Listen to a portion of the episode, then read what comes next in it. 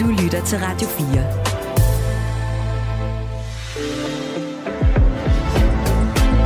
Velkommen til Mandat. Din vært er Katrine Eidel.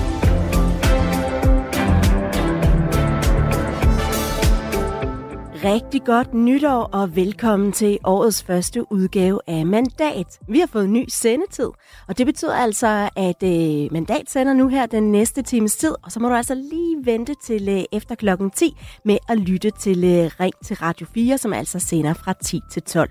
I den næste times tid, der skal det handle om øh, dansk politik og dagsordenen for begyndelsen af 2024, som i den grad blev bestemt af de her ord. Den 14. januar 2024. 52 år efter, at jeg efterfulgte min elskede far, vil jeg træde tilbage som Danmarks dronning. Og det betyder også, at de politiske temaer, der egentlig var planlagt til statsministerens nytårstale 1. januar, måtte vige pladsen. I mandat i dag, der samler jeg op på et af de emner, som øh, alligevel ikke kom til at fylde i nytårstalen, men som forventes alligevel at få en rolle i det politiske 2024. Så får jeg også besøg af en øh, jubilar, der lige om lidt kan fejre intet mindre end øh, 40 års jubilæum som folketingsmedlem. Du kan som altid byde ind på øh, sms'en, det er 1424. Velkommen til. Lytter til Radio 4. Statsminister Mette Frederiksen havde allerede inden jul annonceret, at hendes nytårstale ville komme til at handle om øh, ældreområdet og behovet for en ny ældrereform. Men så kom dronning Margrethes melding om, at hun forlader tronen og giver kronen videre til kronprins Frederik, og derfor så blev nytårstalen altså lidt anderledes end forventet. Min nytårstale i aften blev en helt anden, end jeg oprindeligt havde tænkt. Jeg ville have fortalt om regeringens kommende ældrereform, men det skal altså ikke forhindre os her i programmet for at se lidt nærmere på øh, ældreområdet.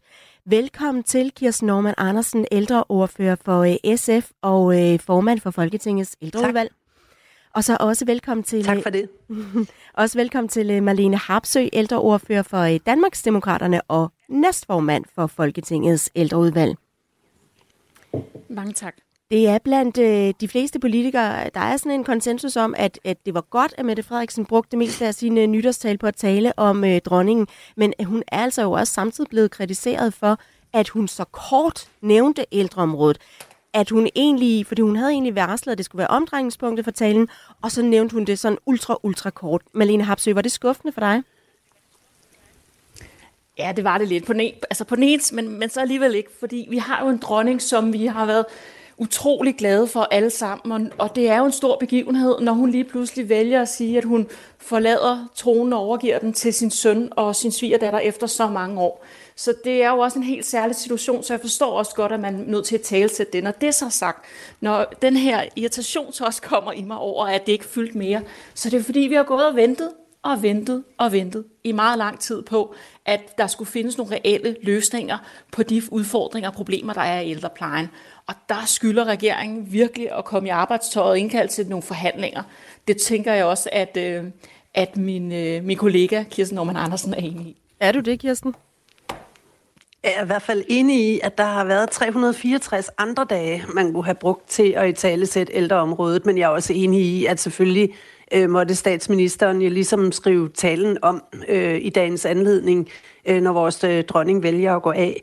Men, men, men vi har jo ventet og ventet, og det er jo et spørgsmål, der har været op og vende rigtig mange gange i det forløbende år. Der er et enormt behov for at øh, øh, se på, hvordan vi løser de kæmpe udfordringer, der er i ældreplejen. Bare manglen på personale er katastrofalt, når vi kigger ud i, i fremtiden. Øh, og derfor så skal der gøres noget. Øhm, og, og det har været svært at arbejde med ældreområdet, fordi at øh, alting er blevet skudt til hjørne, fordi vi skulle vente på et udspil omkring en ældrelov. Øh, der er bare ikke kommet noget. Og man har heller ikke taget fat på nogle af de ting, som man så kunne have taget fat på undervejs. Hvad kunne det have været, Kirsten Norman Andersen, man rent faktisk kunne have taget fat på, mens man ventede på det her udspil til en ny ældrereform?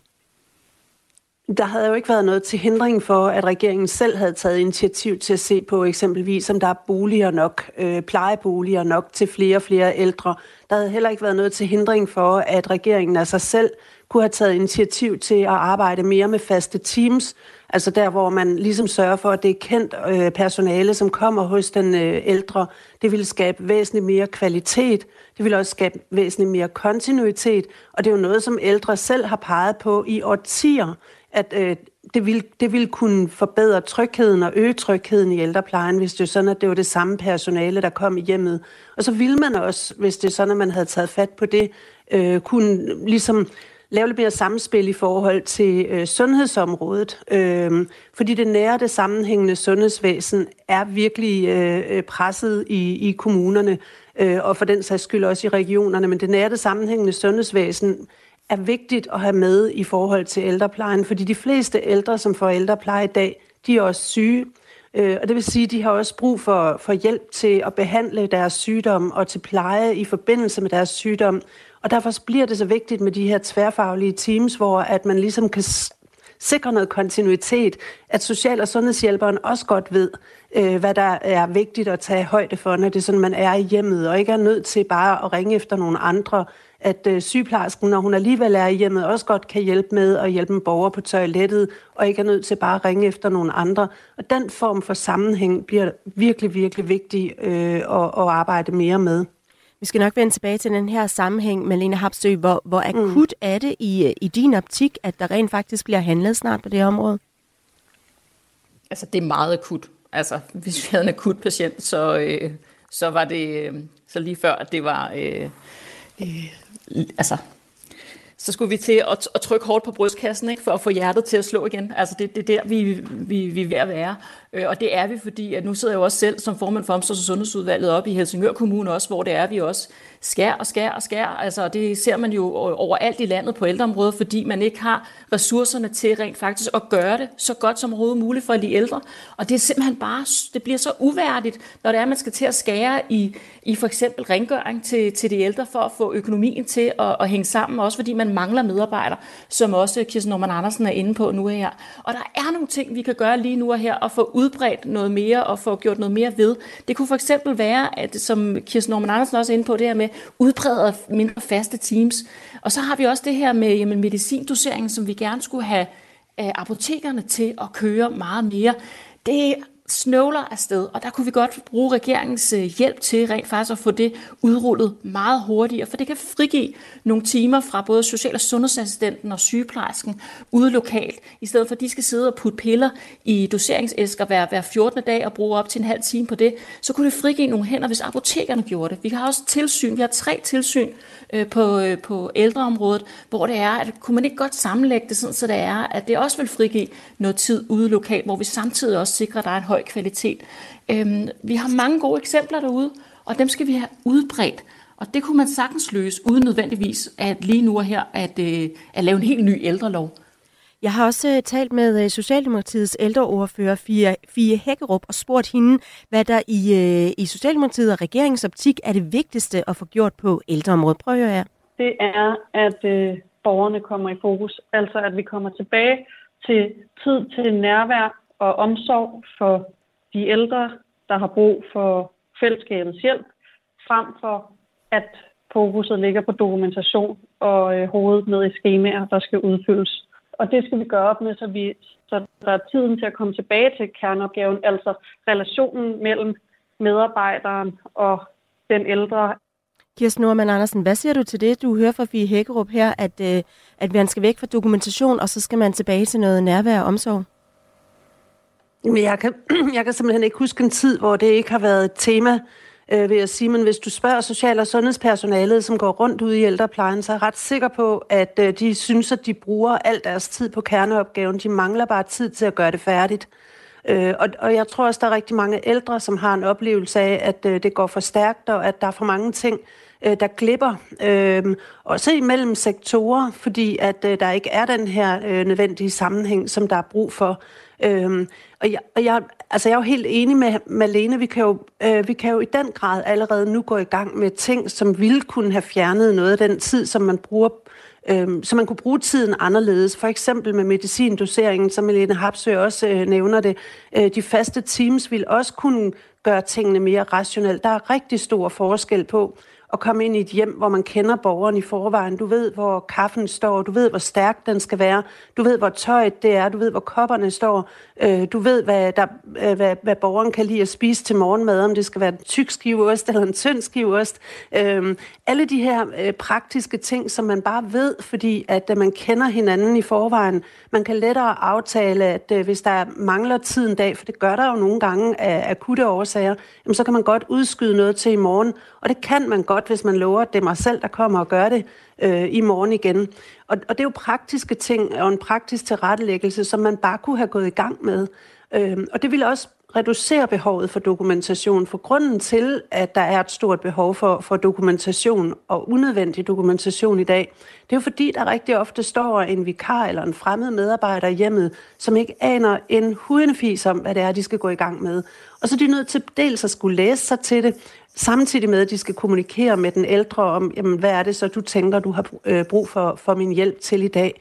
Øhm, og, og så, så nogle ting skal man gøre ved praktisk at begynde at tilrettelægge arbejdet på en anden måde, og på den måde reducere behovet for dokumentation. Men, men, men, synes, men når det regeringen... øh, lidt billigt bare at sige mere tid til nærvær, fordi at, øh, det tror jeg, at personalet og borgerne oplever, at øh, de, det er meget intenst, øh, den der korte tid, de har med hinanden i hverdagen. Ja, og, og det som vi Hækkerup også sagde, hun nævnte både ordene værdighed, omsorg, nærvær, selvbestemmelse, Malene Hapsø. Det kan man vel ikke være uenig i? Nej, det kan man overhovedet ikke være uenig i. Altså, og, og der vil jeg jo sige, kom nu i gang, kære regering. Øh, nedbring nu den her dokumentation.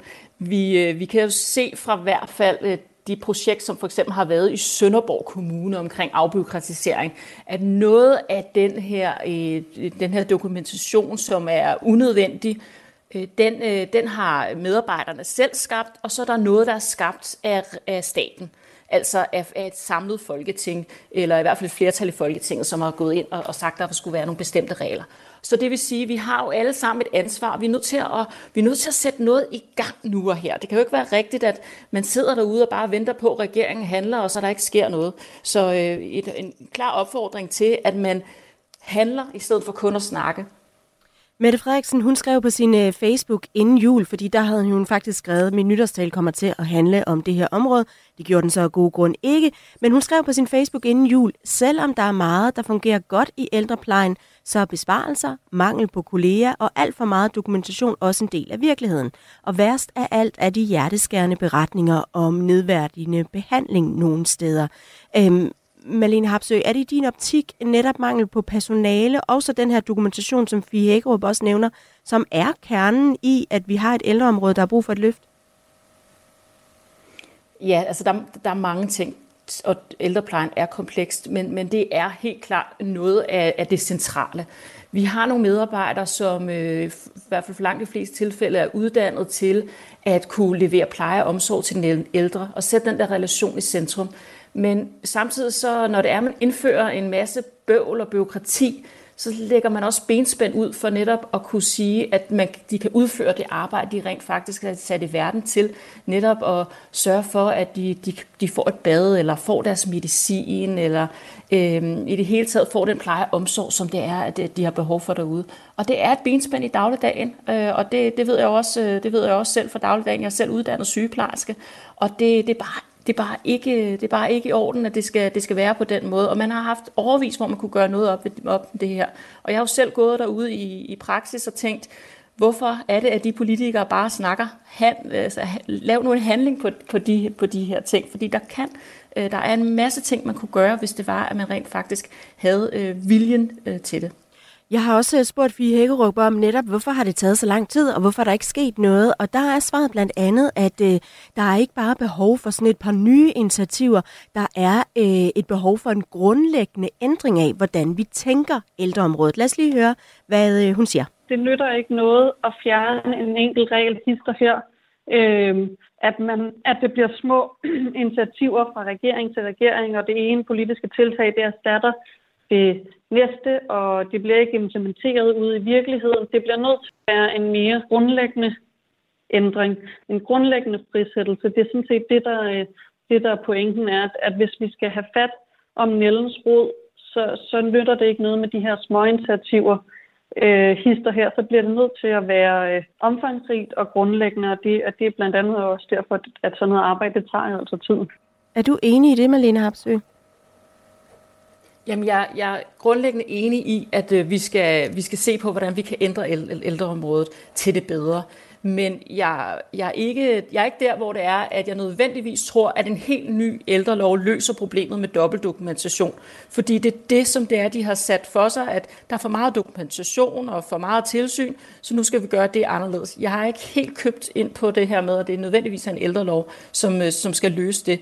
Vi har de samme ønsker øh, for, for de ældre. Vi ønsker alle sammen en værdig ældrepleje. Vi ønsker alle sammen, at medarbejderne trives og har det godt, fordi hvis de trives, så afsmitter det, eller smitter det også af på, på den øh, på den pleje og omsorg, man, man, man giver til de ældre, de ældre oplever.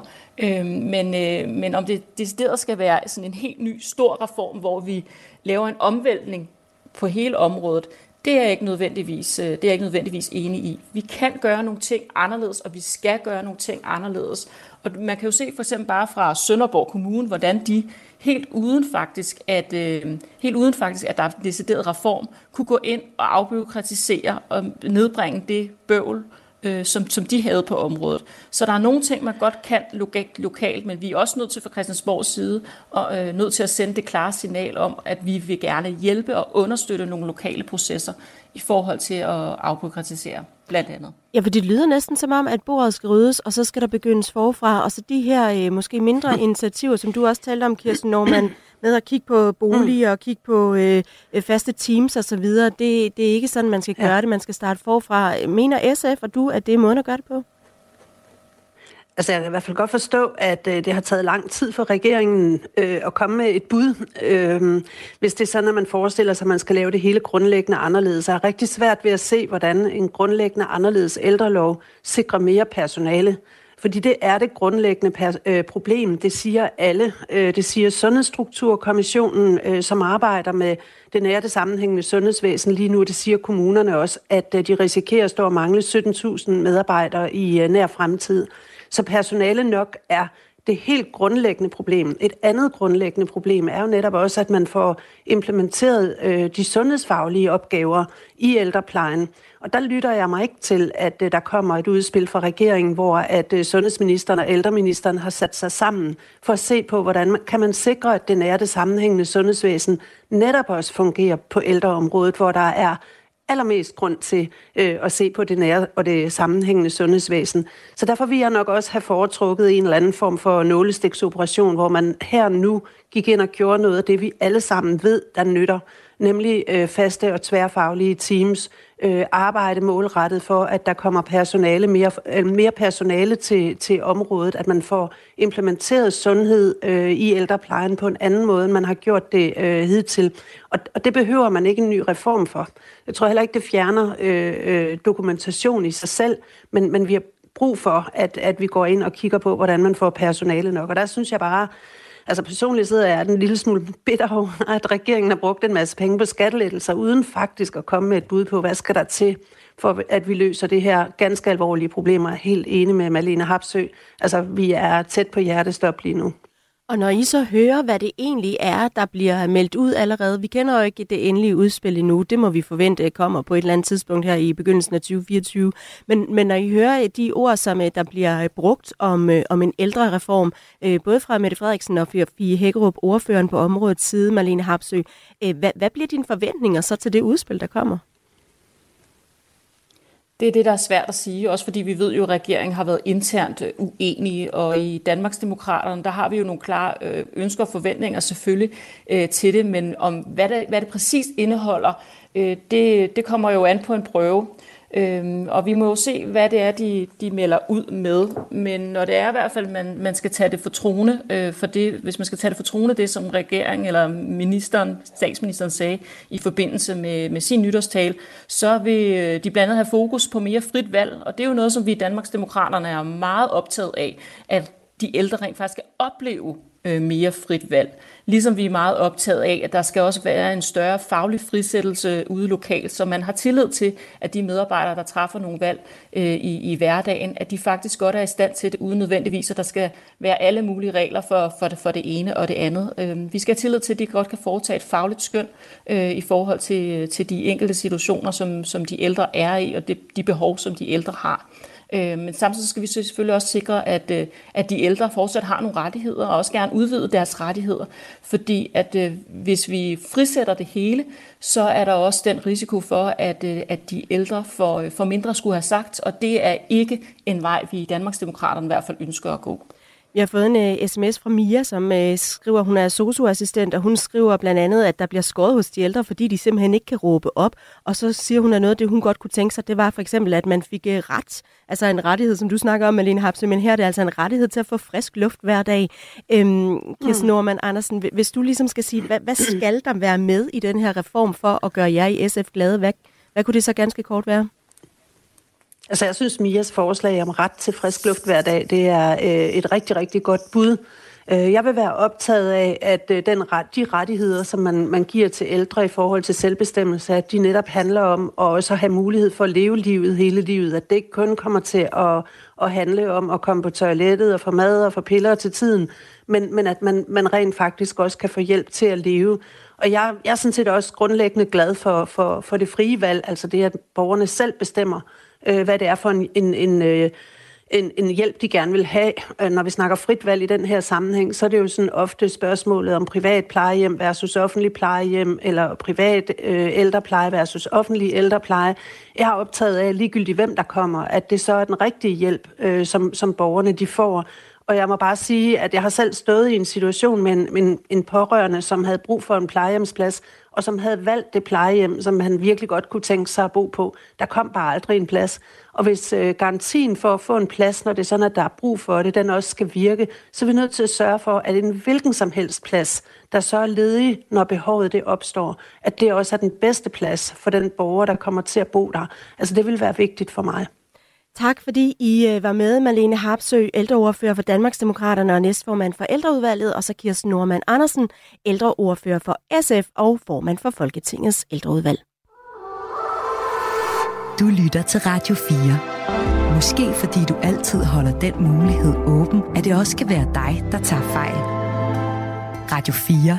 Ikke så forudsigeligt. Det er alt for svært for kommunerne at leve op til de planer, som øh, Christiansborg-politikerne lægger på deres vegne. Det mener flere socialdemokratiske borgmestre, som nu kritiserer samarbejdet, eller det som de kalder mangel på samarbejdet mellem kommunerne og landspolitikerne.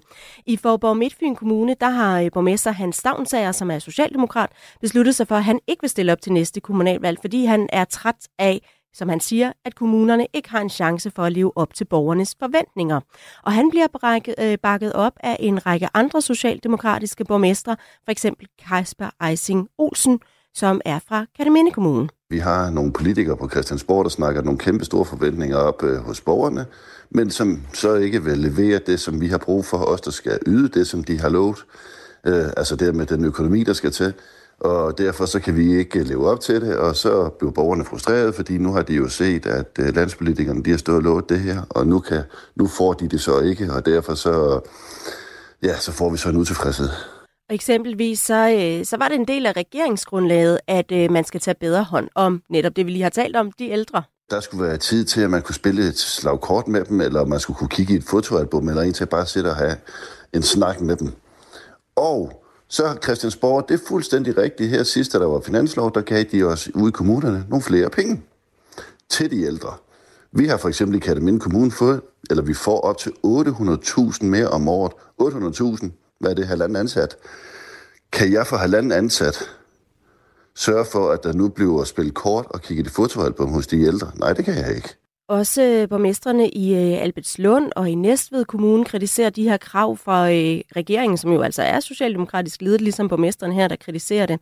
Men Socialdemokratiets politiske ordfører, Christian Rabia Madsen, han er ikke enig i den her kritik, der kommer fra borgmesterne, om at visioner og krav ikke bliver bakket op økonomisk. Jeg synes, det er en, en forkert kritik. Altså, øh, vi, vi er udfordret på velfærden i øjeblikket, fordi priserne på alt, hvad kommunerne indkøber, er steget med 10 procent det giver udfordringer nogle steder, det anerkender jeg fuldt ud. Men jeg tror også, det er vigtigt at sige, at, at der er kommet flere penge til kommunerne i de seneste år. Også betydeligt flere penge. Og øh, Christian Rabia Madsen står altså fast på, at han og de andre politikere på Christiansborg skal udstrikke den her retning. Og så har borgmesterne også et ansvar. Jeg mener, at det må være helt øh, rimeligt og også fornuftigt at formulere nogle visioner for, hvordan vores velfærdssamfund skal være i fremtiden. Så har vi løftet kommunernes økonomi ganske betragteligt. Men det er klart, at prioriteringer og økonomistyring i den enkelte kommune, det er også øh, borgmesterne og, og bystyrenes ansvar, altså byrådenes ansvar. Om lidt er der nyheder, og efter nyhederne så taler jeg med en, der lige om lidt kan fejre intet mindre end 40 års jubilæum på Christiansborg. Nyhederne kommer her klokken. Du lytter til Radio 4.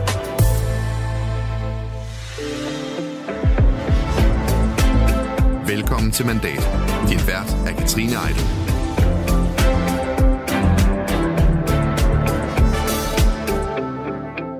Natten inden sin første dag i Folketinget, der havde min næste gæst nattevagt som hjemmehjælper. Da hun tog afsted til den første dag som folketingsmedlem på Christiansborg, ja, så blev det altså til den første af mange, mange, mange dage. For øh, i år, nærmere bestemt på onsdag, der kan hun fejre 40 års jubilæum som øh, folketingsmedlem. Velkommen til, Pia Kærsgaard. Tak for det. Og tillykke. Tak. Du øh, kom i Folketinget for Fremskridtspartiet den 10. januar 1984 som øh, suppleant for Mogens Glistrup, der skulle øh, afzone en dom for øh, skattesvig. Hvordan var det skifte for dig? Jamen, det var jo vildt, fordi det var jo fra den ene hverdag til den anden. Altså, nu havde jeg beskæftiget mig med, med politik, samtidig med, at jeg var på arbejde øh, i årene forud. Men, men det er jo noget helt andet at gå op ad trappen til Christiansborg, og så bliver det pludselig ens arbejdsplads. Sjovt nok, så er det rigtigt, at øh, 10. januar, det er min dato. Det var der, jeg blev folketingsmedlem. Man øh, fravalgte jo Mogens Glistrup, så det betød egentlig ikke så meget, at jeg var suppleant, men jeg overtog hans mandat. Så det var fuldgyldigt.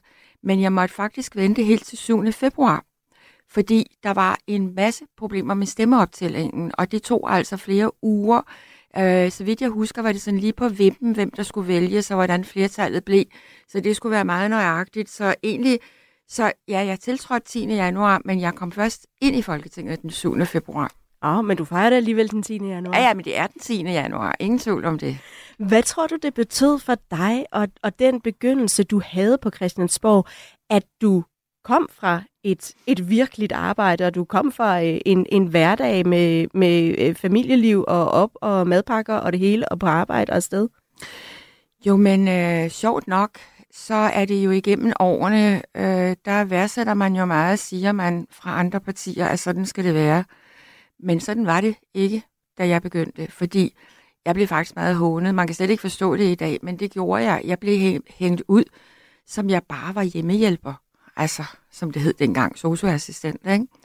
Øh, altså, det var meget, meget nedladende, og... Øh, meget underligt, øh, fordi jeg jo netop synes, at det der med at komme, som du siger, fra det virkelige liv, det er jo af stor øh, værdi på Christiansborg, synes jeg.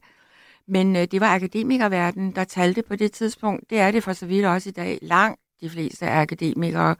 Men jeg har da set, at rigtig mange i deres biografier skriver, at jeg har så også været socioassistent, og så når jeg kigger lidt tilbage, så er det i en sommerferietjans eller, eller noget i den stil. Jeg var det fra 1978 til 1984, hvor jeg kom i Folketinget, og jeg har aldrig fortrudt den tid. Altså faktisk, øh, faktisk øh, bruger jeg mange gange øh, netop øh, det værv øh, til at, at fremhæve det, når jeg er ude til politiske møder. Jeg har også sagt, nu kan jeg snart ikke tillade mig at gøre det længere. Nej, hvor længe det, kan man det? Fordi det, er så, det er så mange år siden, det er nemlig rigtigt, ikke? Hvad, hvad har det betydet for dig siden så netop at have den sådan kontakt? Jeg synes, det betyder utrolig meget. Nu har jeg aldrig haft problemer med at som sådan at have kontakt. Altså egentlig, så øh, på den måde kan man sige, at jeg ikke synes, jeg har forandret mig. Øh, og det håber jeg heller ikke andre synes. Fordi det er jo vildt vigtigt at have venner og bekendte og familie og en kontakt, også uden for Christiansborg, øh, for rent ud sagt at bevare begge ben øh, på jorden. Så det synes jeg er, er en, en væsentlig del, og forhåbentlig bliver det med at være en væsentlig del af min hverdag. Ja, fordi nu er det jo så grund til, at vi er her også lige om lidt 40 år siden, at, at du begyndte på øh, Christiansborg som øh, folkevalgt politiker. Så hvordan bevarer man så den der kontakt til dem, du repræsenterer, når du har været på borgen så længe? Jamen, jeg tror næppe, øh, det tror jeg godt, jeg kan sige, jeg tror næppe, der er nogle politikere, som har været så meget rundt i Danmark, som jeg har. Og jeg gjorde det jo, fordi det er så mange år siden. Nu er tingene også på det felt meget, meget ændret. Altså, øh, dengang var der ikke partistøtte, offentlig partistøtte, som man har i dag. Partierne havde ikke ret mange penge, undtagen de partier, som fik store donationer fra erhvervslivet og private og, sådan, og så videre. Det gjorde Fremskridspartiet ikke. Øh, Fremskridspartiet så man jo lidt skævt til fra mange sider, så vi havde faktisk ikke ret mange penge, og det betød, at øh, når jeg var ude, jamen, øh, så sov jeg hos den lokale formand for, for mit parti, øh, eksempelvis. Der var ikke noget med at blive kørt til et hotel, eller tage en taxa, eller overhovedet ikke. Altså, man tog busserne, man tog toget, man tog flyet, ja, til, til de øh, destinationer, hvis det var muligt, man skulle til. Men kontakten var enorm med baglandet, fordi man hele tiden var så tæt på dem. Øh, jeg har sovet i mange stuer på en sofa, hvor på en slog hver halve og hele time, skal jeg hilse at sige. Og den mest pussy oplevelse, den vil jeg gerne fortælle, fordi den er simpelthen så unik. Jeg elsker den. Det var, øh, altså man, man tog afsted øh, mange gange om mandagen, hvor der er mødefri i Folketinget. Så tog man afsted sådan lidt ud på eftermiddagen, øh, tog flyet eller tog toget, eller hvor det nu var, man skulle hen. Så blev man hentet af den lokale formand, som havde indbudt til mødet om aftenen, kørte hjem til det sted, han boede. Mange gange var det jo på landet ude på en gård, hvor man fik, øh, jeg har fået mange karbonader, som det hedder i Jylland, ja. Øhm, og, øhm, og, og spise sammen med familien. Så tog vi til møde, hvor der var en, en hel masse mennesker forsamlet, og jeg fortalte om livet på Christiansborg. Så tog vi hjem, så fik vi lidt natmad og lidt hygge. Og så skulle jeg så indkvarteres mange gange, var det sådan på et nedlagt teenageværelse, hvor øh, den unge var på efterskole. Eller, så jeg har også sovet på skibsbrikse med masser af teenageidoler på, på væggene. Og så op igen næste morgen og skulle slås lidt med familien om badeværelset. Så blev man kørt videre enten til toget eller til, til flyet. Tog øh, til, til, hvis det var fly, så tog man til Kastrup, tog bussen til Hovedbanegården, og så gik man på Christiansborg tirsdag morgen og startede ugen der. Men der var en oplevelse, som var helt fantastisk, og det var på det tidspunkt, hvor jeg så efter natmaden siger, at nu er jeg så træt, nu skal jeg simpelthen øh, til ro, fordi jeg skal jo tidligt op i morgen og arbejde på borgen hele tirsdagen. Øhm, og øhm, hvor skal jeg sove henne? Og så sagde manden, ved du hvad, øh, vi har valgt, at øh, du skal sove inde i dobbeltsengen, fordi øh, gæsteværelset, det, det er ikke rigtig værd. Det er dårligt. Når adressen er dårlig, det trækker igennem vinduet. Så jeg lægger mig i gæsteværelset, så du må gerne få pladsen i min dobbeltseng. og det gjorde jeg så, fordi man vil gerne være flink, når nu de, de, de øh, havde gjort det i en god mening. Så det har jeg også prøvet, så jeg griner til det og siger, at man skal ikke sige, at jeg ikke har været tæt på, på mine vælger. Jeg har faktisk sovet med nogle af dem. Og, og den, øh, den måde at være ude omkring på, er det noget, der giver dig energi? Det gav mig utroligt. Den gør man jo ikke i dag. Men det gav mig rigtig meget energi. På en eller anden måde var det jo opslidende, fordi man var ikke sig selv. Øh, og selvfølgelig, jeg vil så også sige, at jeg var jo ung. Jeg kunne ikke gøre det i dag. Det kunne jeg ikke. Og det er heller ikke rimeligt at gøre det på den måde, fordi man slider også sig selv op.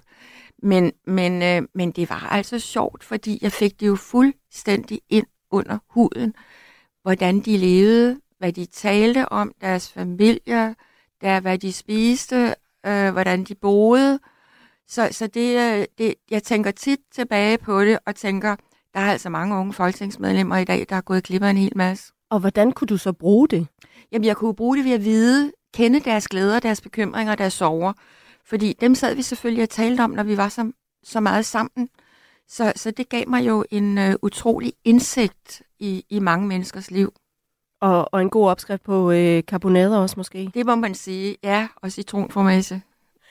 Der, du er blevet beskrevet som en, der har evnen til at vide, hvad man snakker om omkring spisebordet, og tage det med ind til, øh, til Christiansborg og gøre det til politik. Og, og nu har du lige beskrevet i virkeligheden, hvordan du måske ved, hvad det er, der bliver talt om. Men hvordan tager man det så ind og gør det til politik? Det gør man jo netop, fordi man, man skal jo som folkevalgt politiker være optaget af, hvad er det, der går folk på? Hvad er det, de godt kunne tænke sig ændret? Hvordan ser de øh, Danmark, øh, og hvordan ser de Danmark udvikle sig? Så derfor er det jo utrolig vigtigt, øh, og, og som sagt, så det bliver aldrig sådan igen. Aldrig nogensinde. Altså i dag er øh, logistikken blevet helt anderledes. Øh, der kommer broer og øh, øh, hurtige transportmidler osv. Så, videre. så så det sker ikke længere, det som jeg var ude for, men, men jeg har tit tænkt, at det har givet mig en enorm god ballast. Hvornår har du øh, sådan sidst været øh, konkret i kontakt med nogen, der havde en eller anden form for indflydelse eller inspiration til, til dit politiske liv? Jamen nu er det jo på en anden måde i dag. Altså i dag mødes man jo mange gange med folk på Christiansborg. Der er mange, der siger, har du en halv time? Og så kommer de til dig? Ja.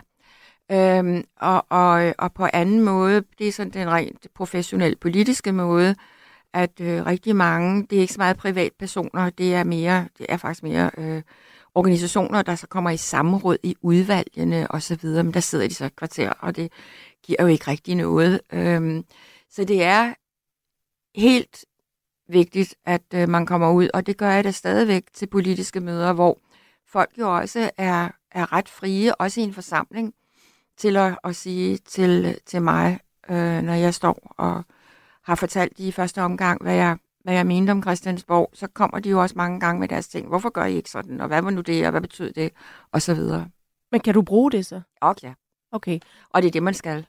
Men har du et konkret eksempel på noget, hvor du har tænkt, gud, det har jeg simpelthen ikke lige tænkt over, var, var en, øh, et problem, eller noget, som optog folk, nu det må jeg tage med mig videre?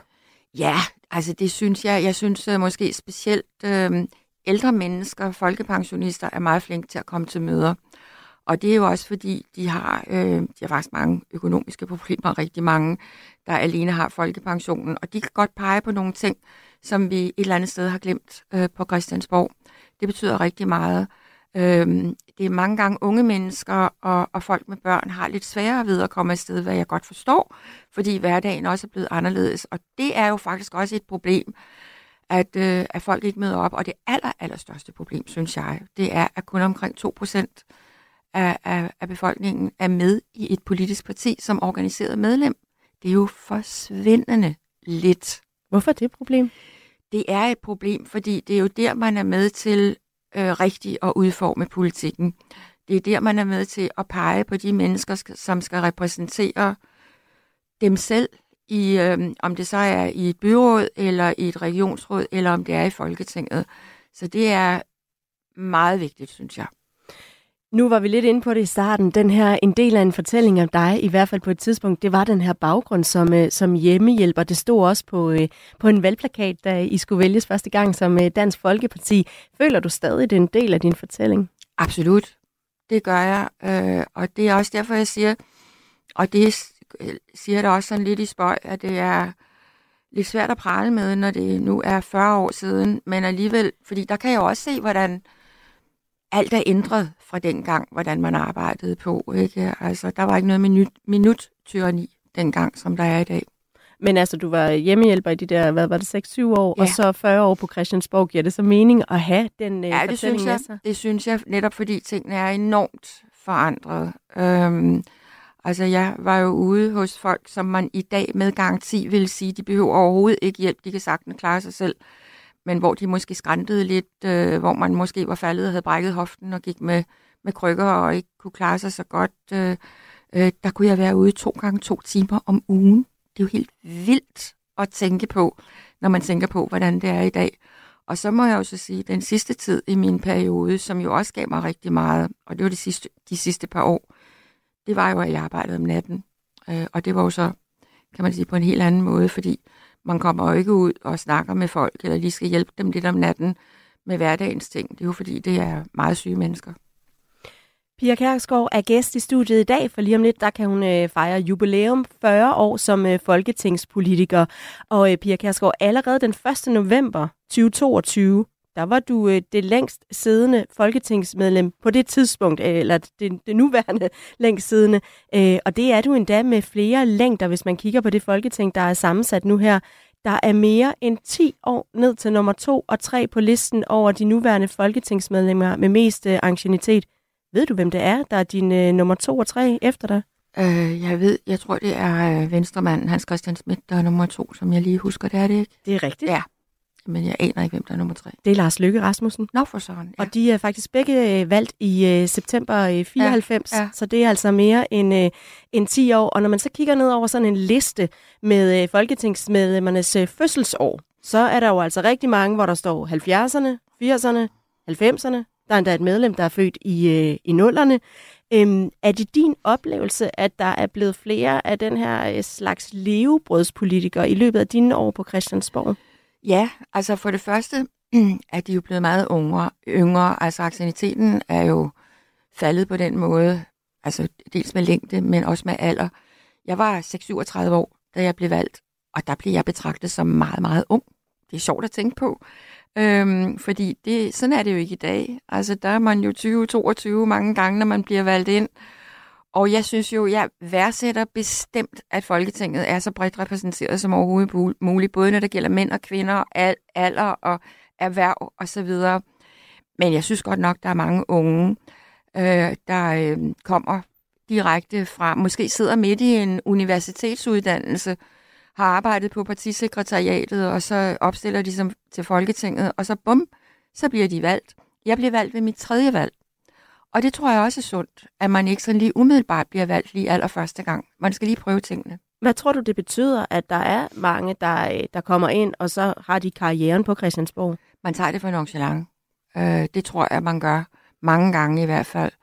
Øh, fordi det er jo, jeg synes, det er et fantastisk værv. Øh, og jeg, sidst, da jeg åbnede Folketinget, fordi det gjorde jeg, det har jeg jo så gjort to gange nu, fordi jeg er øh, øh, ældst i, øh, ja, det, der hedder aldersformand. Og det betyder, at som sagt, at man er den, der har længst aktivitet, der har siddet der længst. Øhm, men jeg er også den ældste i alder.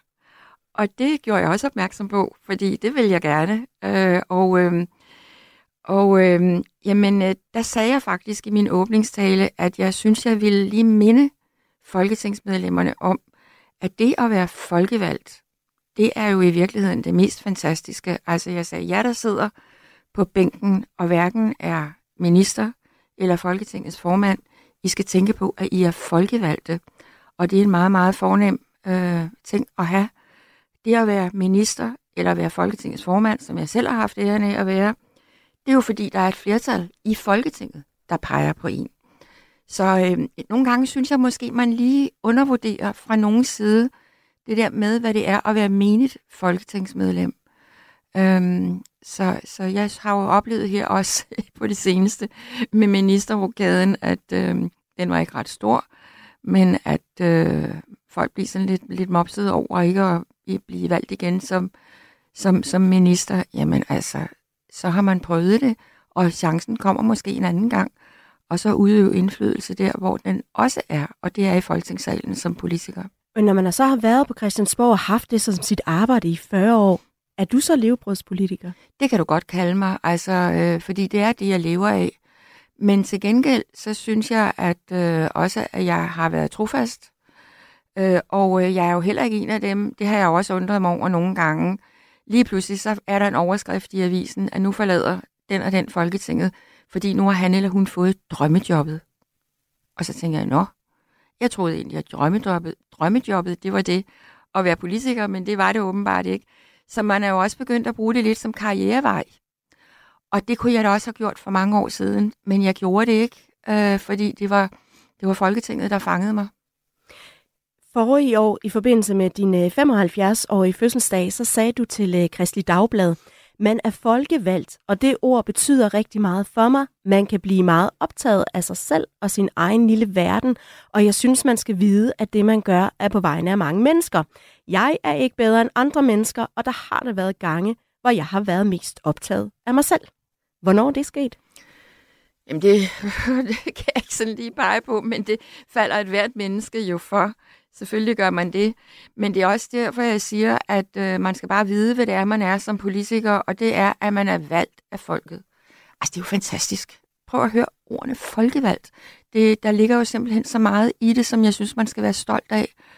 Øh, og så bliver jeg faktisk virkelig ærgerlig over, at, øh, at folk synes, at det eneste saliggørende, det er at være minister, og det andet, det er sådan noget, nå ja, altså, når nu ikke det kan være anderledes. Men hvordan har du så fundet tilbage igen, når du har været optaget af dig selv og ikke af at repræsentere? Ah, men altså, enhver kan jo falde i. Jeg kan, ikke rigtig, jeg kan ikke rigtig komme med eksempler, men selvfølgelig kan jeg da også være optaget af mig selv, det ved jeg ikke. Men, men øhm, og det er vel egentlig også legalt at være det indimellem. Men man skal bare hele tiden huske, at det man gør som politiker, det er på vegne af andre. Du har jo altså øh, et tidligt i din karriere stået i opposition til det her øh, etablerede system, både jo som medlem af Fremskridtspartiet, og vel egentlig også ved at stifte Dansk Folkeparti.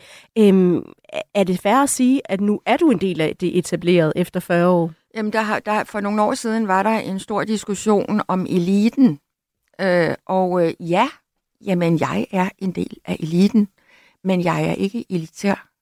Og det er den store forskel. Det Hvordan skældner du det? Jamen, jeg synes stadigvæk, jeg kan jo ikke sige andet. Altså, jeg sidder i Folketinget, jeg har siddet der nu snart i 40 år. Øh, jeg har været formand for Folketinget, jeg har været partiformand. Øhm, jeg hører til dem, der siger, at jeg synes bestemt, jeg har en pæn løn. Der er nogen, der brokker sig over, at den er for lille i Folketinget. Det synes jeg absolut ikke. Jeg synes, vi har mange privilegier. Så ja, jeg er en del af eliten. Det vil være dumt at sige andet. Men det at være elitær, det er jo netop, at man tænker mere på sig selv, at man er meget selvhøjtidelig, arrogant, øh, og det håber jeg ikke, at der er nogen, der opfatter mig som, sådan mener jeg i hvert fald ikke selv, jeg er. Bliver man nødt til at være en del af eliten for at kunne øh, repræsentere dem, der ikke er? Nej, overhovedet ikke, men jeg mener jo, jeg er, når jeg har været der så mange år, når jeg har opnået alle de privilegier, som jeg har, også ved at have været Folketingets formand, så kan det jo ikke være anderledes. Men folketingsmedlemmer, de er en del af eliten, fordi de er et privilegeret, og det skal man sætte pris på. Et privilegeret folkefærd. Jeg vil lige uh, spille et uh, klip for dig.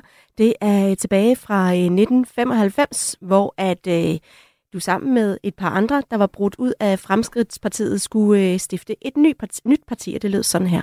Og navnet, som vi fire vil arbejde for fremover, og øhm, er sikre på at blive valgt for ved næste folketingsvalg, det er Dansk Folkeparti.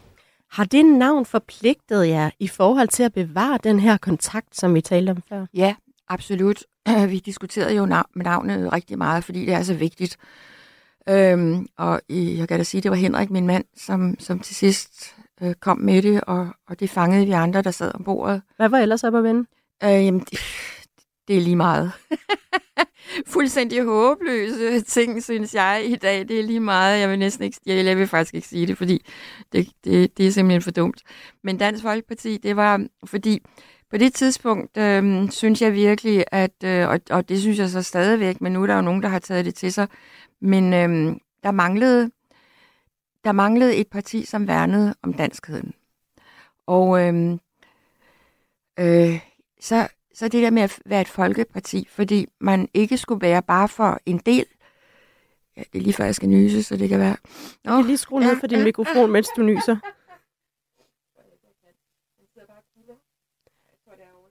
Det er godt. Jeg, jeg tænder for dig igen her. Det er godt, tak skal du have.